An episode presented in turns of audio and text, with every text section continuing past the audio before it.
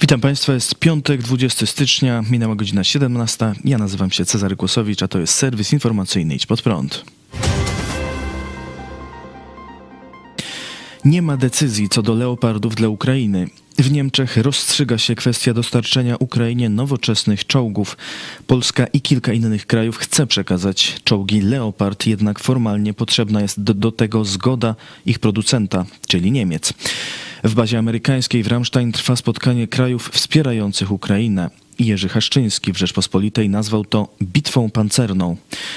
Wstrzemięźliwość Scholza wobec przekraczania granic w zakresie dostarczania coraz poważniejszych rodzajów broni dla zaatakowanej Ukrainy nie jest niczym nowym. Teraz jednak kanclerz prowadzi bitwę prawie ze wszystkimi głównymi sojusznikami swojego kraju.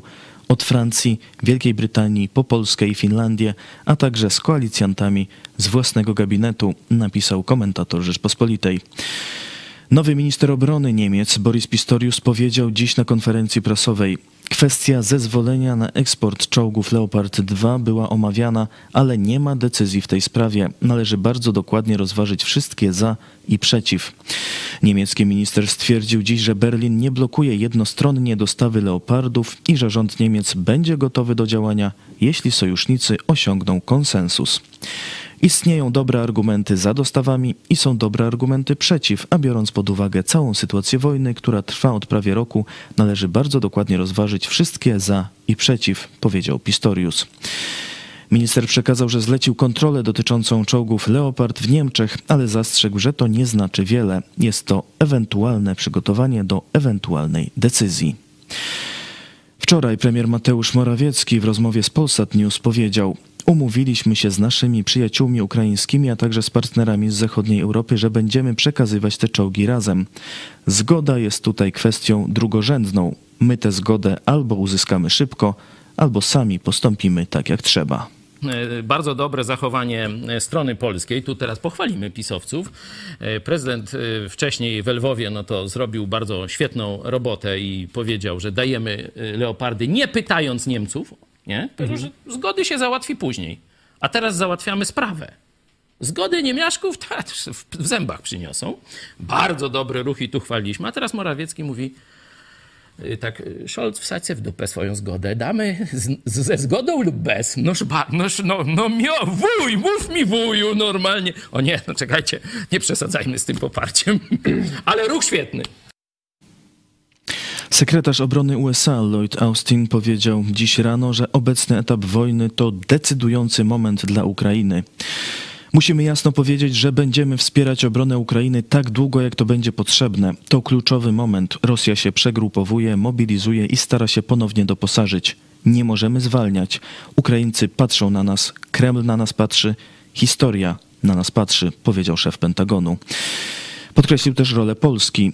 Polska jest liderem w dostarczaniu pojazdów opancerzonych Ukrainie, szkoleniu ukraińskich sił zbrojnych oraz udzielaniu schronienia ukraińskim uchodźcom, powiedział Austin.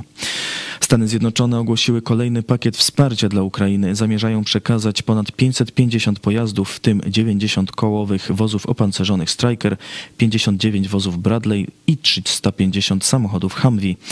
Ponadto mobilne systemy obrony powietrznej Avenger i amunicję artyleryjską. Holandia przekazała, że jest gotowa zapłacić za dostawy czołgów Leopard 2 dla Ukrainy. Holendrzy ogłosili też, że są gotowi rozważyć dostawę samolotów F-16, jeśli Ukraina o nie poprosi. Polscy posłowie na Ukrainie, politycy Lewicy, Koalicji Obywatelskiej i Polski 2050 odwiedzili Bachmut, w pobliżu którego trwają ciężkie walki z rosyjskimi napastnikami.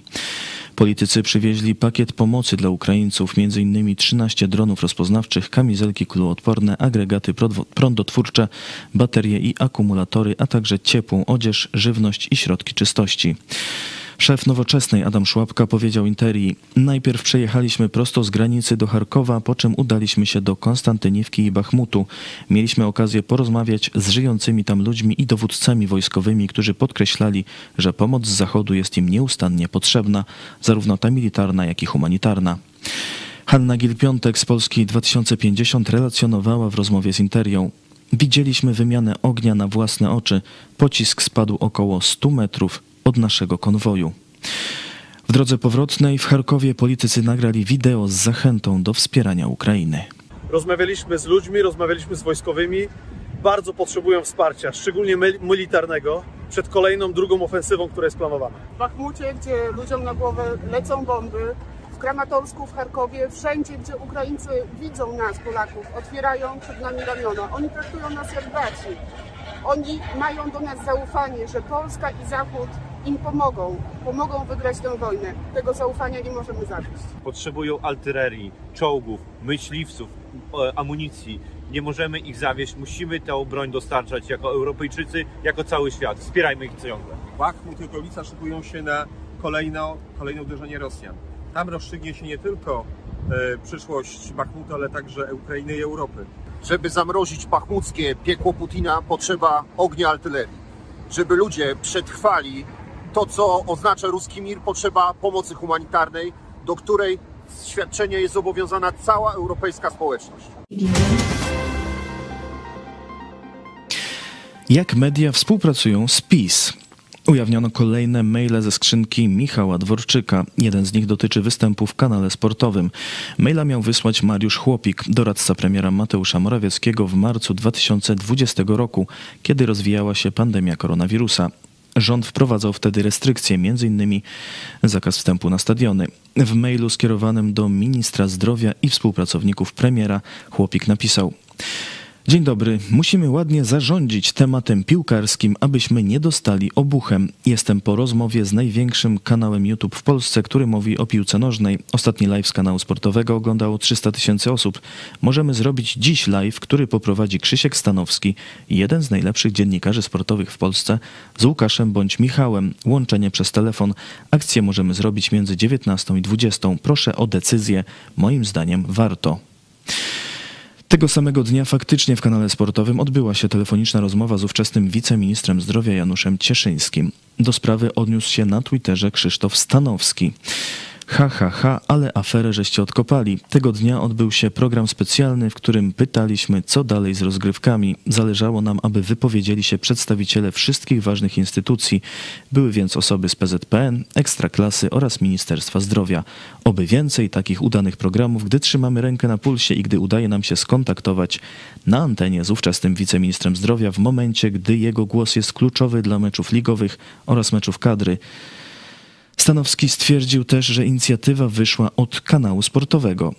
Dostali telefon od nas, że chcemy porozmawiać, dlaczego stadiony są zamknięte, a wiece prezydenckie legalne.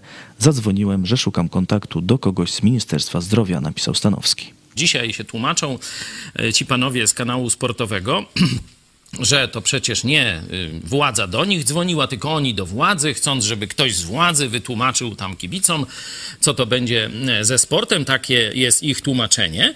Może i prawdziwe, ale e, próbą zweryfikowania tego, czy istnieje tu jakiś zły związek pomiędzy dziennikarzami a władzą, no pytanie, czy czasem ta redakcja nie dostaje, czy ten dziennikarz nie dostaje jakichś, że tak powiem, od władzy dodatkowych korzyści, czyli konfitur, inaczej mówiąc, mhm. albo e, jeszcze lepiej reklam lub dotacji. Pytanie, czy e, kanał sportowy korzystał z, e, w, jakiej, w jaki sposób z przychylności władz państwowych.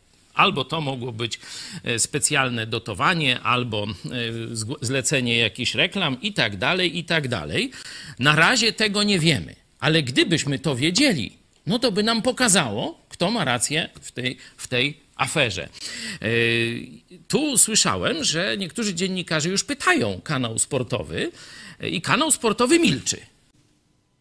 Kolejny ujawniony mail to wiadomość od Mateusza Morawieckiego z 2019 roku.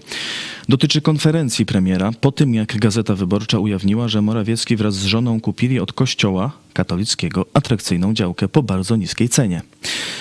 W mailu Mateusz Morawiecki stwierdza, że podczas konferencji był bardzo wiarygodny i że trzeba iść za ciosem. Zachęca też do nacisków na dziennikarzy. Niezależnie od tego, że konferencja poszła we właściwy sposób, to mam prośbę, żeby rozdzwonić się teraz do waszych znajomych dziennikarzy, zwłaszcza symetrystów, i poprosić o właściwe podsumowanie tej konferencji, jak najbardziej korzystne dla mnie, miał napisać Morawiecki. Na wiadomość odpowiedział Jacek Sasin. Gratuluję, bo naprawdę wyszło bardzo dobrze. Postaram się rozprowadzić temat jak najszerzej. Sasinowi miał jeszcze odpowiedzieć Morawiecki, zachęcając, by posłowie PiS skierowali uwagę na polityków Platformy Obywatelskiej. Dziękuję. Dobrze by było też, by nasi posłowie zaczęli pytać o majątek Schetyny, o Neumana, który coś tam kombinował z Funduszem Zdrowia, plus dlaczego Platforma nie proponowała transparentności w czasie, kiedy była afera hazardowa. Energia dla WSI, przepraszam, energia dla wsi. Rząd ogłosił uruchomienie nowego programu wsparcia dla rolników i spółdzielni energetycznych. 25 stycznia rusza nabór wniosków do programu Energia dla wsi, którego głównym założeniem jest wsparcie inwestycji w odnawialne źródła energii na terenie gmin wiejskich i wiejsko-miejskich.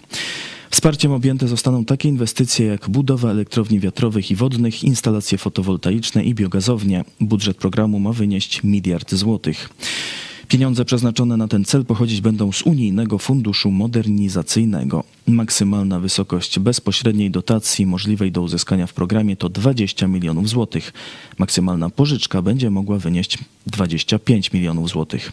Minister rolnictwa Henryk Kowalczyk powiedział: Rolnicy będą mogli obniżać koszty energii, a to w dzisiejszych czasach jest bardzo istotne. Koszty energii są bardzo duże i niestabilne, więc produkcja energii na własne potrzeby jest bardzo istotna. To wszystko w tym wydaniu serwisu. Dziękuję Państwu za uwagę. Zachęcam do pisania w komentarzach, która wiadomość najbardziej Was poruszyła. E, Kolejny serwis w poniedziałek o 17, a jeszcze dzisiaj o 18 w telewizji Idź Pod Prąd. Kto ma rację? Katolicy czy protestanci? Zapraszam. Do zobaczenia.